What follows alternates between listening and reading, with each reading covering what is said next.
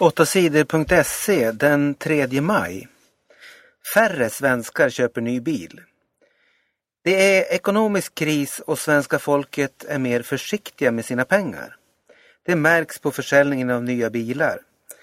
Den senaste månaden sjönk försäljningen av nya bilar i Sverige med 20 procent. Det visar nya siffror från organisationen Bil Sweden. Lite bättre går försäljningen av lastbilar. Försäljningen av lastbilar sjönk bara med omkring 3 procent i april. Skolan är orättvis. Skolan har blivit mer orättvis. Skillnaderna har ökat mellan eleverna. Det visar en undersökning som Lärarnas riksförbund har gjort. Lärarnas riksförbund har jämfört betygen för 400 000 elever de senaste 12 åren. Skillnaderna mellan eleverna som har högst betyg och eleverna med lägst betyg har ökat kraftigt, skriver Metta Fjälkner i Lärarnas riksförbund i Dagens Nyheter. Skillnaderna mellan kommunerna är stora. En del kommuner jobbar hårt för att minska skillnaderna. Det är bland annat Pajala, Sotenäs och Övertorneå. Metta Fjälkner vill att staten ska bestämma mer över skolorna. Många osålda biljetter till hockey-VM. Många har klagat över de dyra biljetterna till årets ishockey-VM i Sverige och Finland. Det har också varit dålig fart på försäljningen av biljetter till VM-matcherna. Hälften av VM-biljetterna är inte sålda än. På onsdagen fanns det fortfarande gott om biljetter kvar till Sveriges första VM-match i Globen i Stockholm imorgon fredag. Men Peter Forsberg i Svenska ishockeyförbundet är inte orolig. Han är säker på att alla biljetter till Tre Kronors match mot Norge kommer att säljas. Zlatan och Milan kan vinna guld. Slutstriden i Serie A i fotboll kan bli en riktig rysare. Zlatans Milan vann onsdagens match mot Atalanta med 2-0. Samtidigt förlorade serieledaren Juventus poäng i matchen mot Lecce. Den matchen slutade 1-1. Juventus leder serien bara en poäng före Milan.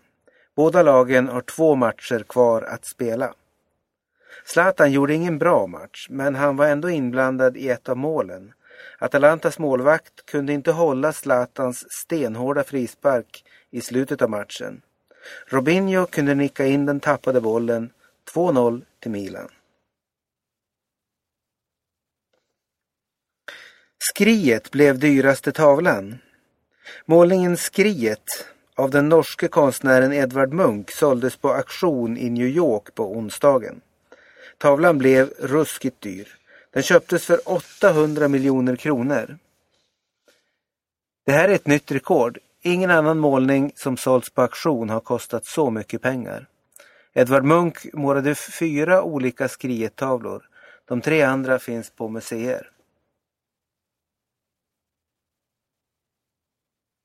Åklagaren kräver långa straff. I december förra året blev en 25-årig man bortrövad i Uppsala. Mannen sövdes ner och kidnappades. Han fördes till ett hus i närheten av Umeå. Efter några dagar hittade polisen huset och kunde befria 25-åringen. Poliserna grep två män och en kvinna. De åtalades vid Uppsala tingsrätt. På torsdagen avslutades rättegången. Åklagaren krävde långa fängelsestraff. 14 års fängelse för två av de åtalade och 10 års fängelse för den tredje.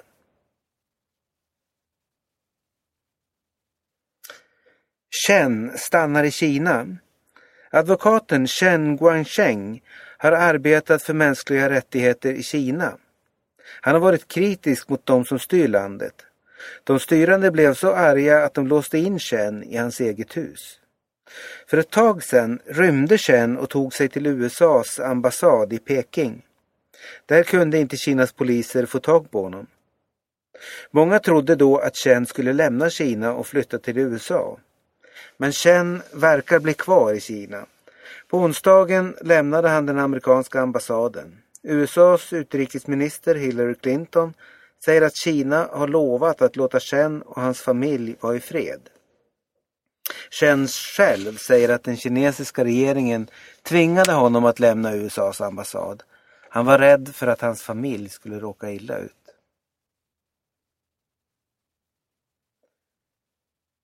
Samling mot hedersvåld. För lite mer än en vecka sedan dödades en 19-årig kvinna i Landskrona. Hon blev ihjälhuggen med kniv. Hennes yngre bror är misstänkt för att ha dödat henne. 19-åringens mamma misstänks ha varit med och planerat mordet. På onsdagen samlades människor i Malmö för att hedra den döda kvinnan och protestera mot det som kallas hedersvåld. Omkring 500 människor kom till mötet. Det var organisationen Tänk om som ordnade mötet i Malmö. De är säkra på att mordet på 19-åringen var ett hedersmord.